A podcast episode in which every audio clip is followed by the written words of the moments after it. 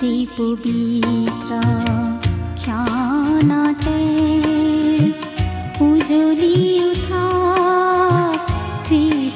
জ্যোতি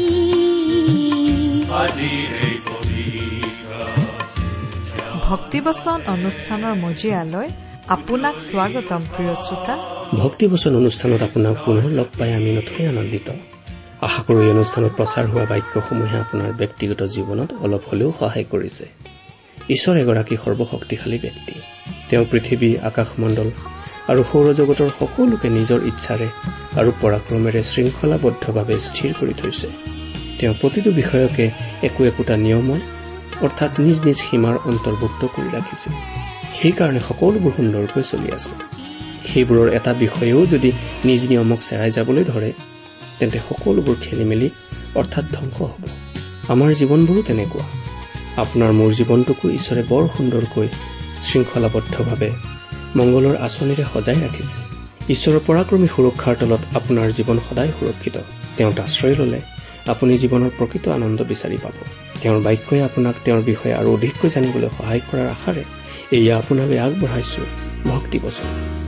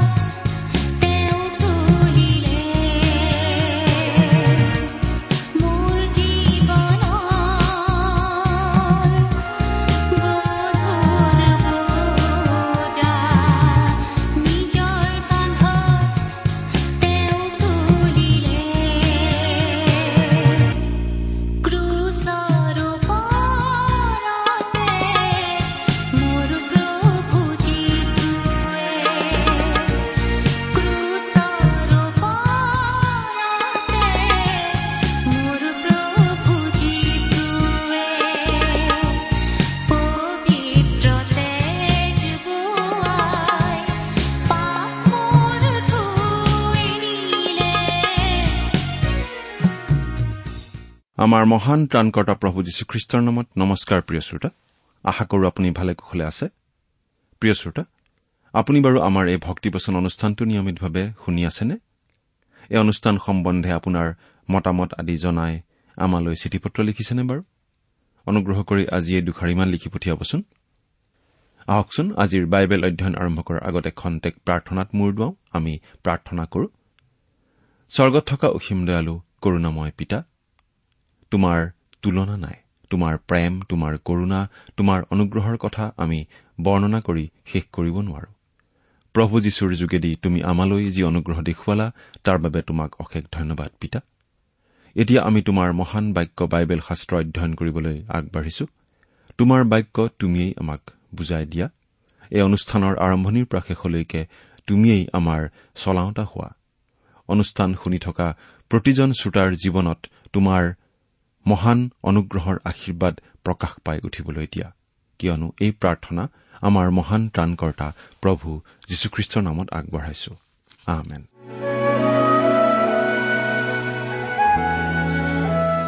প্ৰিয় শ্ৰোতা আপোনাৰ নিশ্চয় মনত আছে আমি আজি কিছুদিন ধৰি বাইবেলৰ নতুন নিয়ম খণ্ডৰ থিচলনিকীয়াবিলাকৰ প্ৰতি প্ৰথম পত্ৰ বা চমুকৈ প্ৰথম থিচলনিকীয়া নামৰ পুস্তকখন অধ্যয়ন কৰি আছো।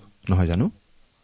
যদি আপুনি আমাৰ আগৰ অনুষ্ঠানটো শুনিছিল তেনেহলে আপোনাৰ নিশ্চয় মনত আছে যে আমি যোৱা অনুষ্ঠানত এই প্ৰথম থিচলনিকীয়া পুস্তকৰ চাৰি নম্বৰ অধ্যায়ৰ শেষৰ পদটোলৈকে পঢ়ি অধ্যয়ন আগবঢ়াইছিলো। আমি এটা কথা বিশেষভাৱে আলোচনা কৰিলো সেইটো হৈছে প্ৰভু যীশুখ্ৰীষ্টৰ পুনৰাগমনৰ বিষয়। প্ৰভু যীশু আকৌ এই পৃথিৱীলৈ আহিব। এই পৃথিৱীত তেওঁৰ ৰাজ্য স্থাপন কৰিব। তেওঁৰ আগমনৰ দিনা তেওঁৰ বিশ্বাসী লোকসকলৰ যিসকল লোক ইতিমধ্যেই মৃত্যুমুখত পৰে তেওঁলোক পুনৰুত্থিত হ'ব আৰু প্ৰভু যীশুক আকাশত লগ পাব। তাৰ পাছত জীৱিত অৱস্থাত থকা খ্ৰীষ্টীয় বিশ্বাসী লোকসকলক পৃথিৱীৰ পৰা উঠাই লৈ যোৱা হ'ব আৰু তেওঁলোকেও আকাশত প্ৰভুৰ লগ ল'ব। এইদৰে তেওঁলোক চিৰদিনৰ বাবে প্ৰভু যীশুৰ সংগী হ'ব। অনন্তকালৰ বাবে স্বৰ্গত বাস কৰিবলৈ পাব। আজিৰ অনুষ্ঠানত আমি এই প্ৰথম থিচলনিকীয়া পুস্তকৰ পাঁচ নম্বৰ অধ্যায়ৰ অধ্যয়ন আৰম্ভ কৰিম। প্ৰথম থিচলনিকীয়া পুস্তকৰ এই শেষৰটো অধ্যায়ত আমি পাওঁ প্ৰভু যীশুৰ আৱশ্যম্ভাৱী পুনৰাগমনৰ পৰিপ্ৰেক্ষিতত খ্ৰীষ্টীয় বিশ্বাসীসকলৰ কাৰ্যকলাপ কেনেকুৱা হোৱা উচিত সেই কথা। প্ৰথম অধ্যায়ত আমি পাইছিলো যীশুখ্ৰীষ্টৰ পুনৰাগমনৰ কথা মনত পেলাই খ্ৰীষ্টীয় বিশ্বাসীসকলে কেনেধৰণৰ চিন্তা কৰা উচিত। খ্ৰীষ্টীয় বিশ্বাসীসকলৰ মনোবৃত্তি কেনেকুৱা হোৱা উচিত সেই কথা। আৰু আমাৰ মনটোৱেই আমাৰ কাৰ্যৰ মাজেদি আত্মপ্ৰকাশ কৰে। যদিহে আমাৰ মনটোৱে আমাক কাৰ্যৰ প্ৰতি আগবঢ়াই নিনিয়ে তেন্তে ক'ৰবাত কিবা নিশ্চয় কাৰণ আছে। খ্ৰীষ্টৰ পুনৰাগমনৰ আশা আমাক উজ্জীৱিত কৰা আশা আৰু এই আশাই আমাক হাতে কামে লাগি যাবলৈ অনুপ্ৰাণিত কৰে। খ্ৰীষ্টীয় বিশ্বাসীজন সাৰ পাই উঠিব লাগে। সজাগ হৈ থাকিব লাগে। কাৰণ প্ৰভু যীশুৰ আগমন আৱশ্যম্ভাৱী প্ৰভুৰ আগমনৰ সময়ত যাতে প্ৰতিজন খ্ৰীষ্টীয় বিশ্বাসী সাজু হৈ থাকে সেইবাবে পাচনি পৌলে এই কথাবোৰ জোৰ দি কৈছে। প্ৰভু যীশুৱেও শিষ্যসকলক পৰ দি থাকিবলৈ কৈছিল কাৰণ তেওঁৰ আগমন কেতিয়া হ'ব কোনেও নাজানে। এতিয়া বাইবেলৰ পৰা পাঠ কৰি দিব খুজিছো। প্ৰথম থিচলনিকীয়া পাঁচ অধ্যায় প্ৰথম পদ। পাঠ কৰি দিছো। কিন্তু হে ভাইবিলাক সেই কাল বা সেই সময়ৰ কথা মই তোমালোকলৈ লিখিবলৈ তোমালোকৰ প্ৰয়োজন নকৰে। কাল বা সময়। আচলতে খ্ৰীষ্টীয় বিশ্বাসীসকলৰ বাবে নহয়। কাল বা সময় এই পৃথিৱীখনৰ বাবেহে জগতত ব্যস্ত থকা লোকৰ বাবেহে। লাগিলে যিহুদীয়েই হওক অনাজিহুদীয়েই হওক। যিসকল লোকে সেইদিনা ৰক্ষা পাব সেইসকল লোকৰ বাবে। খ্ৰীষ্টীয় মণ্ডলীয়ে আচলতে কোনো কাল বা সময়লৈ অপেক্ষা কৰি থকা নাই। অপেক্ষা কৰি আছে এজন ব্যক্তিলৈ সময়ৰ মূল গ্ৰীক শব্দটো হৈছে ক্ৰনছ আৰু এই শব্দৰ পৰাই ইংৰাজী ক্ৰনলজী শব্দটো ওলাইছে। পাচনি পৌলে থিচলনিকিত থকা খ্ৰীষ্টীয় বিশ্বাসীসকলক কৈছে প্ৰভু যীশুৰ আগমন কেতিয়া হ'ব? সেই কাল বা সময় কেতিয়া আহিব? সেই কথা তেওঁলোকক জনাই দিয়াৰ প্ৰয়োজন নাই। কিয় বাৰু? কাৰণ সেই কাল বা সময় আচলতে কোনেও নাজানে। কাকো জানিবলৈ দিয়া হোৱা নাই। কিন্তু এটা কথা খাটাংভাৱে জনাই দিয়া হৈছে যে প্ৰভু যীশু আকৌ আহিব। নিশ্চয় আহিব। তেওঁৰ বিশ্বাসী লোকসকলক এই পৃথিৱীৰ পৰা উঠাই নিবলৈ তেওঁ আহিব। এই পৃথিৱীত তেওঁৰ ন্যায় শাসন প্ৰতিষ্ঠা কৰিবলৈ। কিন্তু কেতিয়া সেইটো জনাই দিয়া হোৱা নাই। এতিয়া দুই নম্বৰ পদটো পঢ়ি দিছো। কিয়নো ৰাতি যেনেকৈ চোৰ আহে তেনেকৈ প্ৰভুৰ দিন আহিব ইয়াক তোমালোকে নিশ্চয়কৈ জানা। ৰাতি যেনেকৈ চোৰ আহে তেনেকৈ প্ৰভুৰ দিন আহিব। চোৰ কেতিয়া আহে কোনেও নাজানে। জানিলেতো চোৰ আহিবই নোৱাৰে। প্ৰভু যীশুৰ আগমনো ঠিক তেনেকৈয়ে হ'ব। তেওঁ কেতিয়া আহিব কোনেও আগতে ক'ব নোৱাৰে। কিন্তু প্ৰিয় শ্ৰোতা এটা কথা হলে আমি জানো যে প্ৰভু যীশু খ্ৰীষ্টীয় মণ্ডলীৰ বাবে ৰাতি চোৰৰ নিচিনাকৈ অহাৰ নিচিনা নহ'ব। কাৰণ খ্ৰীষ্টীয় মণ্ডলীয়ে প্ৰভু যীশুৰ পুনৰ আগমনৰ বাবে অধীৰ আগ্ৰহেৰে বাট চাই আছে। আৰু তেওঁ যে আহিব সেই কথাটো জানেই। কেৱল কোন সময়ত আহিব সেইটোহে নাজানে। আমি জানো আমাৰ ঘৰলৈ চোৰ আহিব বুলি অধীৰ আগ্ৰহেৰে বাট চাওঁ। নাইবা ঘৰ এৰি কৰবালৈ যাবৰ সময়ত ঘৰৰ পিছ দুৱাৰত জানো চোৰলৈ বুলি এনেদৰে লিখি চিঠি লিখি থৈ যাওঁ। হে চোৰ মহাশয় মই আপোনাৰ কাৰণে পিছ দুৱাৰখন মেলি থৈ গৈছো। আমাৰ সকলো অলংকাৰ বিচনাৰ কাষৰ আলমাৰিটোৰ তিনি নম্বৰ খাপটোতে আছে। আপুনি অনুগ্ৰহ কৰি লৈ যাব। হাঁহি উঠা কথা নহয়নে?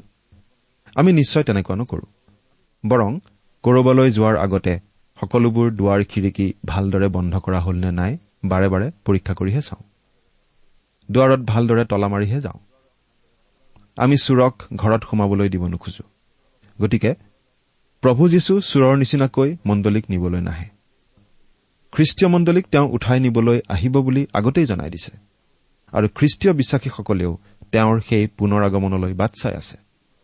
কিন্তু এই পৃথিৱীৰ পৰা খ্ৰীষ্টীয় মণ্ডলীক উঠাই লৈ যোৱাৰ পাছত এই পৃথিৱীত বাকী যিসকল লোক থাকি যাব তেওঁলোকৰ কাৰণে প্ৰভু যীশুৰ আগমন হ'ব ঠিক ৰাতি চুৰ অহাৰ নিচিনাই। প্ৰভু যীশুৰ আগমন হ'ব আচম্বিতে। তেওঁ আহিব বুলি তেওঁত বিশ্বাস নকৰা মানুহবিলাকে আশা কৰি নাথাকে। গতিকে তেওঁ আহিব বুলি বাট চায়ো নাথাকে। গতিকে যেতিয়া তেওঁ আহিব অবিশ্বাসী লোকসকল সাজু অৱস্থাত নাথাকিব। গতিকে ৰাতি চুৰ অহাৰ নিচিনাকৈয়ে প্ৰভু যীশু আহিব। তেওঁ আহিব আচম্বিতে। এই পৃথিৱীত তেওঁৰ ন্যায় শাসন স্থাপন কৰিবলৈ। অৱশ্যে তেওঁ পৃথিৱীত ন্যায় শাসন প্ৰতিষ্ঠা কৰিবলৈ অহাৰ আগে আগে আহি তেওঁৰ বিশ্বাসীসকলক এই পৃথিৱীৰ পৰা উঠাই লৈ যাব আৰু পৃথিৱীত আৰম্ভ হ'ব মহাক্লেশ। নানা ধৰণৰ দুখ যন্ত্ৰণাৰ দিন। সেয়া হ'ব মহাক্লেশৰ দিন। যি দিন আগতে পৃথিৱীত কেতিয়াও হোৱা নাছিল। আৰু অৱশেষত প্ৰভু যীশুৱে এই পৃথিৱীত তেওঁৰ শাসন প্ৰতিষ্ঠা কৰিবলৈ আহিব।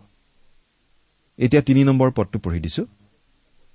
যেতিয়া মানুহবিলাকে বুলিব শান্তি আৰু নিৰ্বিঘ্নতা তেতিয়া গৰ্ভৱতীৰ প্ৰসৱ বেদনাৰ নিচিনাকৈ তেওঁবিলাকৰ আকস্মিক বিনাশ উপস্থিত হ'ব। তাতে তেওঁবিলাকে কোনোমতে সাৰিব নোৱাৰিব। প্ৰিয় শ্ৰোতা ইয়াত সৰ্বনামটো কেনেদৰে হঠাতে সলনি হৈ গ'ল মন কৰিছেনে? প্ৰথম দুটা পদত পাচনি পৌলে কথা কৈ আছিল ভাইবিলাকক। অৰ্থাৎ খ্ৰীষ্টীয় বিশ্বাসীসকলৰ কথা কৈ আছিল। তেওঁ কৈছিল যে তেওঁলোকক সেই কাল বা সময়ৰ বিষয়ে সোঁৱৰাই দিয়াৰ প্ৰয়োজন নাই। কাৰণ সেই কাল বা সময় যে ৰাতি চুৰ অহাৰ নিচিনাকৈ আচম্বিতে আহিব সেই কথা তেওঁলোকে জানেই। তেওঁলোকক ইতিমধ্যে এই পৃথিৱীৰ পৰা উঠাই নিয়া হ'ব আৰু প্ৰভুৰ দিন আহিব অৰ্থাৎ মহাক্লেশ আৰম্ভ হ'ব এই পৃথিৱীত আচম্বিতে অকস্মাতে। এই তিনি নম্বৰ পদত সৰ্বনামটো সলনি হ'ল। এতিয়া তেওঁবিলাকৰ কথা কোৱা হৈছে। মানুহবিলাকৰ কথা কোৱা হৈছে খ্ৰীষ্টত বিশ্বাস নকৰা মানুহবিলাকৰ কথা। যেতিয়া মানুহবিলাকে বুলিব শান্তি আৰু নিৰ্বিঘ্নতা। প্ৰিয় শ্ৰোতা এই কথাটো অলপ বিশেষভাৱে মন কৰিবচোন। প্ৰভুৰ দিন আহিব আচম্বিতে চোৰৰ নিচিনাকৈ। প্ৰভুৰ দিন মানে এটা দিন নহয় এটা বিশেষ যুগহে। এই বিশেষ সময়ছোৱাৰ আৰম্ভণি হ'ব মহাক্লেশৰ দ্বাৰা আৰু প্ৰভু যীশুৱে এহেজাৰ বছৰ ধৰি এই পৃথিৱীত শাসন চলোৱা সময়খিনিলৈকে এই যুগ বিয়পি থাকিব। বাইবেলৰ কেইবা ঠাইতো আমি এই প্ৰভুৰ দিনৰ কথা উল্লেখ কৰা পাওঁ। উদাহৰণস্বৰূপে আমি যিচয়া বাৰ আৰু তেৰ নম্বৰ অধ্যায়ত পঢ়িবলৈ পাওঁ ঈশ্বৰে কেনেকৈ এই জগতৰ সমাজ আৰু শাসন ব্যৱস্থা সামৰিক শক্তি আৰু বাণিজ্যিক শক্তি আৰু ধৰ্ম ব্যৱস্থাৰ জাক জমকতা আদিৰ বিচাৰ কৰি দণ্ড বিহিবলৈ নামি আহিব সেই কথা আমি পঢ়িবলৈ পাওঁ। চোৱা দেশ উচ্ছন্ন কৰিবলৈ আৰু তাৰ পৰা তাৰ পাপীবোৰক বিনষ্ট কৰিবলৈ জিহুৱাৰ দিন কোপ আৰু প্ৰচণ্ড ক্ৰোধেৰে দাৰুণ হৈ আহিছে। যিচয়া তেৰ অধ্যায় ন নম্বৰ পদ। এই জিহুৱাৰ দিনৰ আৰম্ভণি হ'ব প্ৰচণ্ড ক্ৰোধৰ দিনেৰে। কিয়নো আকাশমণ্ডলৰ তৰা আৰু নক্ষত্ৰবোৰে নিজ নিজ দীপ্তি প্ৰকাশ নকৰিব। সূৰ্য উদয় হোৱা সময়ত আন্ধাৰেৰে আবৃত হ'ব আৰু চন্দ্ৰই নিজৰ দীপ্তি প্ৰকাশিত হ'বলৈ নিদিব। যিচয়া তেৰ অধ্যায় দহ পদ। জুৱেল ভাৱবাদীৰ পুস্তকত আমাক জনোৱা হৈছে হাই হাই এইয়ে কেনে দিন? কিয়নো জিহুৱাৰ দিন ওচৰ। সৰ্বশক্তিমান জনাৰ পৰা যেন প্ৰলয়হে উপস্থিত। জুৱেল প্ৰথম অধ্যায় পোন্ধৰ পদ। জুৱেল দ্বিতীয় অধ্যায় দ্বিতীয় পদত এই বিষয়ে কোৱা হৈছে। সেয়ে আন্ধাৰ আৰু ঘূৰ অন্ধকাৰৰ দিন ডাৱৰীয়া আৰু ঘন মেঘৰ দিন। পুৰণি নিয়মত আমাক এনেকুৱা এটা ধাৰণা দিয়া হৈছে। প্ৰভুৰ দিন হৈছে এক বিশেষ কাল যি কালৰ আৰম্ভণি হ'ব মহাক্লেশ আৰু দুখ যন্ত্ৰণাৰ দ্বাৰা। আৰু এই কাল চলিব খ্ৰীষ্টৰ এহেজাৰ বছৰীয়া ৰাজত্বৰ কাল ধৰি। এইটো পুৰণি নিয়মৰ এটা বিশেষ বিষয়বস্তু। চাৰি নম্বৰ অধ্যায়ত উল্লেখ কৰা খ্ৰীষ্টই মণ্ডলীক এই পৃথিৱীৰ পৰা উত্তোলিত কৰি নিয়া কাৰ্যটোৰ কোনো উল্লেখ আমি পুৰণি নিয়মত নাপাওঁ। অৱশ্যে হনুক আৰু এলিয়াক ঈশ্বৰে সোঁশৰীৰে এই পৃথিৱীৰ পৰা উঠাই নিয়া ঘটনা দুটাই খ্ৰীষ্টই মণ্ডলীক যে উঠাই নিব তাৰ ছবি দাঙি ধৰে। কিন্তু প্ৰভু যীশুৱে যে তেওঁৰ অগণন বিশ্বাসী লোকক এই পৃথিৱীৰ পৰা উঠাই লৈ যাব সেই কথাটোৰ উল্লেখ আমি পুৰণি নিয়মত নাপাওঁ। এই গৌৰৱময় চমকপ্ৰদ সত্যটো প্ৰভু যীশুৱেহে প্ৰথমে প্ৰকাশ কৰিছে। শিষ্যসকলৰ আগত সেই ওপৰ কোঠালিত। তেওঁ কৈছিল মোৰ পিতৃৰ ঘৰত অনেক থকা ঠাই আছে। নোহোৱা হলে তোমালোকক কলোহেঁতেন। কিয়নো মই তোমালোকলৈ ঠাই যুগুত কৰিবলৈ যাওঁ। আৰু মই তোমালোকলৈ যদি ঠাই যুগুত কৰোগৈ তেন্তে মই যি ঠাইত থাকো তোমালোকো সেই ঠাইতে যেন থাকিবলৈ পাবা। এই নিমিত্তে মই আকৌ আহি তোমালোকক মোৰ ওচৰলৈ লৈ যাম। জোহন চৈধ্য অধ্যায় দুই আৰু তিনি পদ। আমি ভাবো বাইবেলত ইয়াতেই পোন প্ৰথমবাৰৰ বাবে এই কথাটো প্ৰকাশ কৰা হৈছে। আৰু প্ৰথম থিচলনিকীয়া চাৰি নম্বৰ অধ্যায়ত পাচনি পৌলে তাকেই দোহাৰিছে। কিন্তু এই পাঁচ নম্বৰ অধ্যায়ত পাচনি পৌলে এনে এটা বিষয় উল্লেখ কৰিছে যিটো পুৰণি নিয়মৰ দিনৰ পৰাই মানুহে জানিছিল। যেতিয়া মানুহবিলাকে বুলিব শান্তি আৰু নিৰ্বিঘ্নতা তেতিয়া গৰ্ভৱতীৰ প্ৰসৱ বেদনাৰ নিচিনাকৈ তেওঁবিলাকৰ আকস্মিক বিনাশ উপস্থিত হ'ব। এইটো জগতৰ কাৰণে অতি বিস্ময়ৰ কথা হ'ব। তেওঁলোকে এইটো আশা নকৰিব। কিন্তু জগতে আশা নকৰা অৱস্থাতেই এই মহাক্লেশৰ সূত্ৰপাত হ'ব। প্ৰভুৰ দিন এনেকৈ আহিব। আচলতে জগতত শান্তি আৰু নিৰাপত্তা স্থাপন হোৱা বুলি মানুহৰ মাজত ভুৱা নিশ্চয়তা এটা আহিব। কিন্তু তেনেতে আচম্বিতে প্ৰভুৰ দিন আহিব। প্ৰভু যীশুৱে শিষ্যসকলক সাৱধান কৰি দিছিল। তোমালোকক ভুলাবলৈ কাকো নিদিবা। জগতে অনবৰতে চেষ্টা চলাই আছে শান্তি প্ৰতিষ্ঠা কৰিবলৈ। জগতে আশা কৰি আছে নতুন যুগৰ সূচনা কৰিবলৈ শান্তি সমৃদ্ধিৰ যুগ। কিন্তু জগতলৈ নামি আহিব মহাক্লেশ। আৰু এনে এক মহাসমৰ যেনেকুৱা মহাসমৰ আগতে কেতিয়াও হোৱা নাই। আৰু এই সকলোবোৰ আহিব ৰাতি চুৰ অহাৰ দৰে আকস্মিকভাৱে। তাতে তেওঁবিলাকে কোনোমতে সাৰিব নোৱাৰিব কোনেও সাৰিব নোৱাৰিব। এতিয়া চাৰি আৰু পাঁচ নম্বৰ পদ দুটা পঢ়ি দিছো। কিন্তু সেই ভাইবিলাক চোৰৰ নিচিনাকৈ সেই দিন তোমালোকৰ ওচৰত উপস্থিত হবলৈ তোমালোক আন্ধাৰত থকা নাই। কিয়নো তোমালোক সকলোৱেই পোহৰ আৰু দিনৰ সন্তান। আমি ৰাতি বা আন্ধাৰৰ লোক নহওঁ। খ্ৰীষ্টীয় মণ্ডলীৰ কাৰণে কিন্তু সেই দিন চোৰৰ নিচিনাকৈ নাহে কাৰণ মণ্ডলীয়ে আগতেই জানে আৰু তাৰ বাবে সাজু হৈ থাকিব পাৰিব। প্ৰভু যীশুখ্ৰীষ্ট তেওঁৰ বিশ্বাসী লোকসকলক পৃথিৱীৰ পৰা উঠাই নিয়া কাৰ্যটোৰ দ্বাৰা আচলতে দুটা কাম হয়। প্ৰথমতে এই ঘটনাৰ লগে লগে অনুগ্ৰহৰ কালৰ অন্ত পৰিব। এতিয়া অনুগ্ৰহৰ কাল চলি আছে। এতিয়া প্ৰভু যীশুৱে মানুহক আমন্ত্ৰণ জনাই আছে। যিসকল লোকে সেই আমন্ত্ৰণৰ প্ৰতি সঁহাৰি দি প্ৰভু যীশুক ত্ৰাণকৰ্তা বুলি গ্ৰহণ কৰি আছে সেই সকলো লোকেই পিতৃ ঈশ্বৰৰ অনুগ্ৰহত পৰিত্ৰাণ লাভ কৰিছে। ঈশ্বৰৰ সন্তান হৈছে। আজি এই অনুগ্ৰহৰ যুগ চলি আছে। সকলো ঠাইৰ সকলো মানুহলৈকে এই সুবিধা ঈশ্বৰে আগবঢ়াই আছে।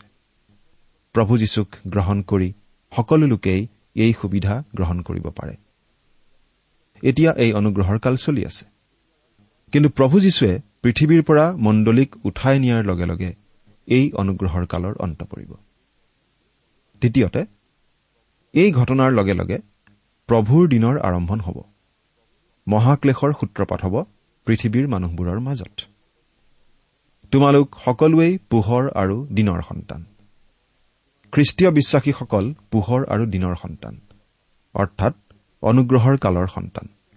তদুপৰি খ্ৰীষ্টীয় বিশ্বাসীসকলক ঈশ্বৰে সকলো কথা জনাই দিছে অৰ্থাৎ তেওঁলোক আৰু এই বিষয়ে অজ্ঞাত নহয়।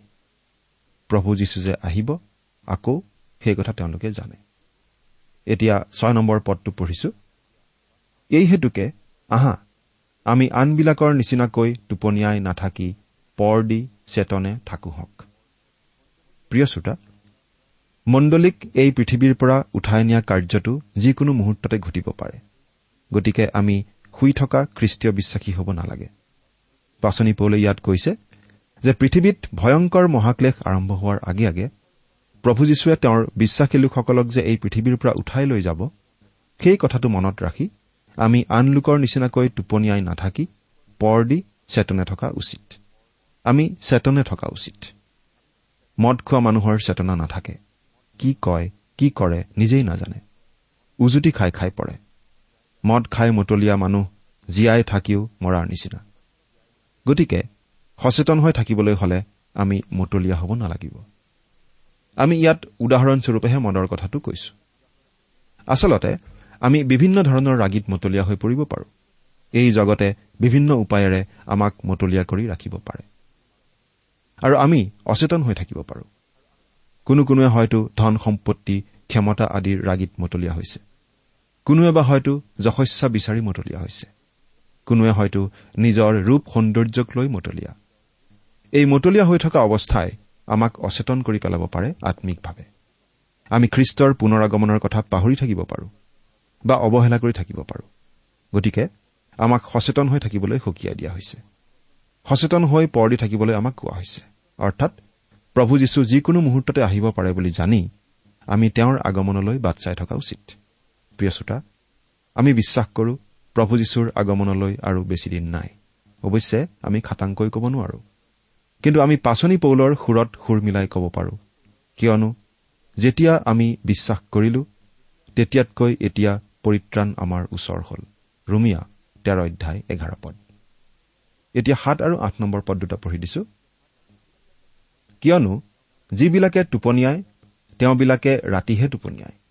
আৰু যিবিলাক মতলীয়া হয় তেওঁবিলাক ৰাতিহে মতলীয়া হয়।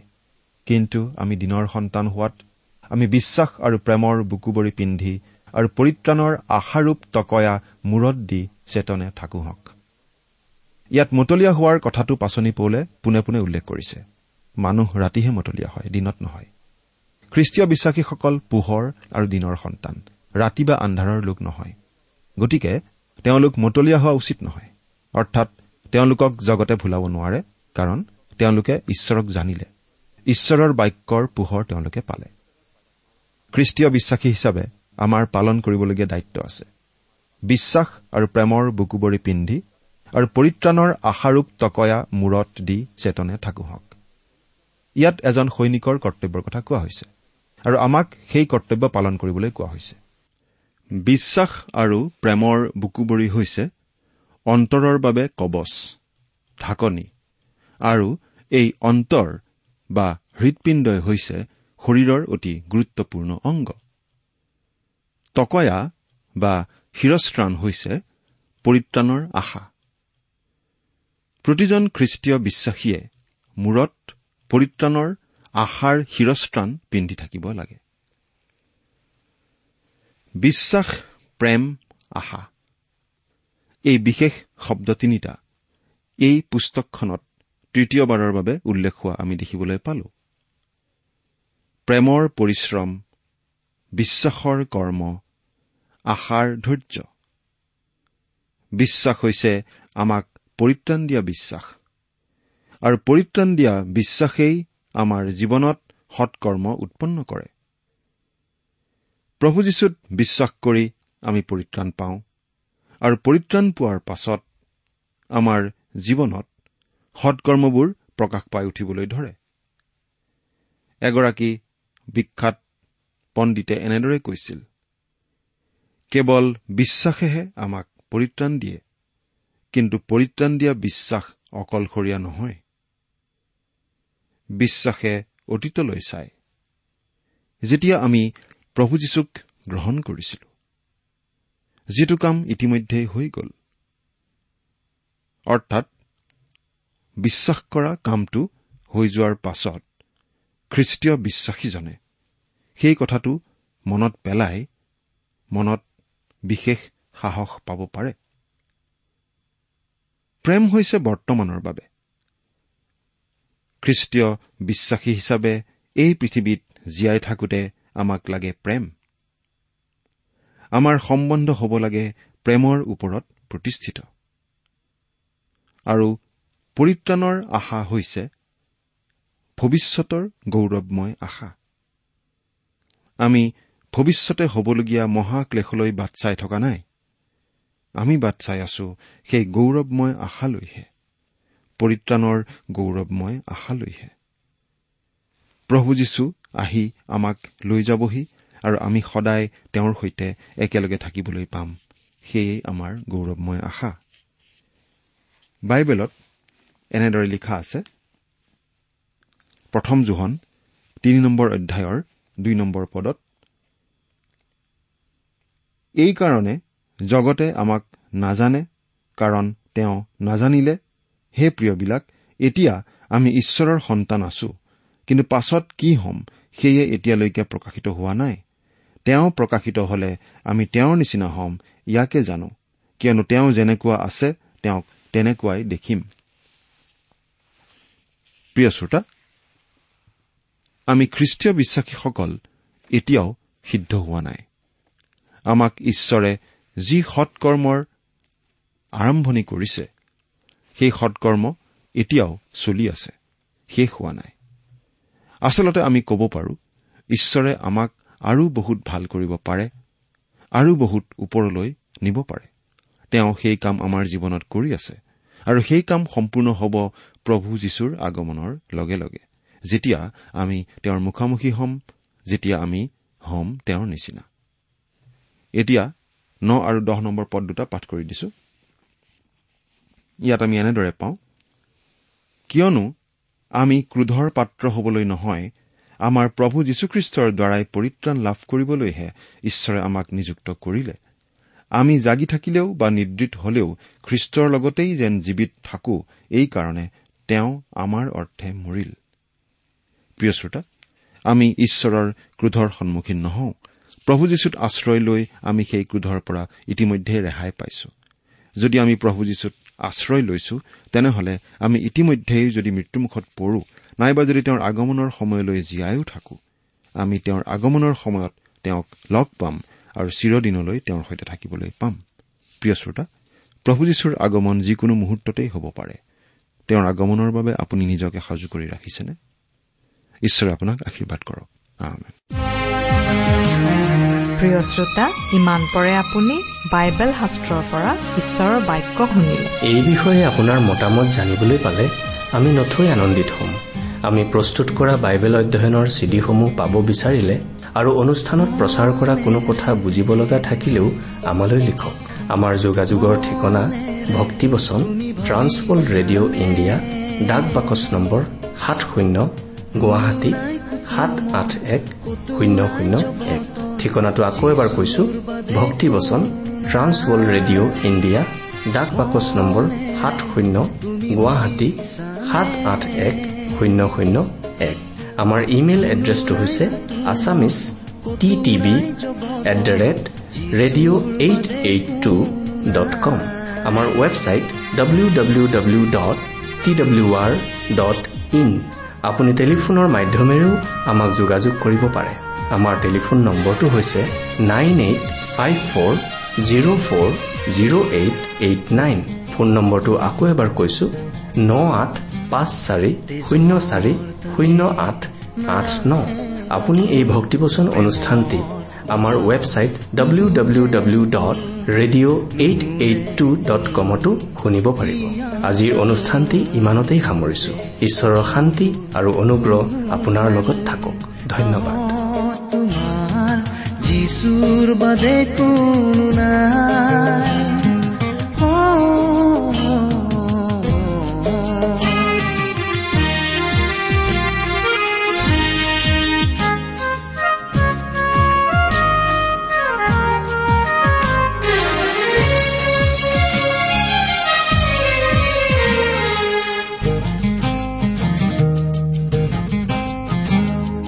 লাগে যদি অহাৰে ভৰা পৰিপূৰ্ণ জীৱন গাথা যিচুৰ তেজে দিয়ে পূৰ্ণতা যিচুৰ কথাই চকুলো মুছে যিচুৰ বাদে কোনো নাই তোমাৰ কাহ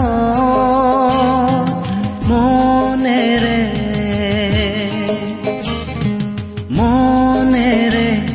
তুমি ভাবিছানে? কোনো নাই কুতুমৰ কতো নাই জগতৰ যিচুৰ বাদে কোনো নাই। কোনো নাই কুতুমৰ কতো নাই জগতৰ যিচুৰ বাদে কোনো নাই। যিচুৰ বাদে কোনো নাই। দূর বদে কোন নাই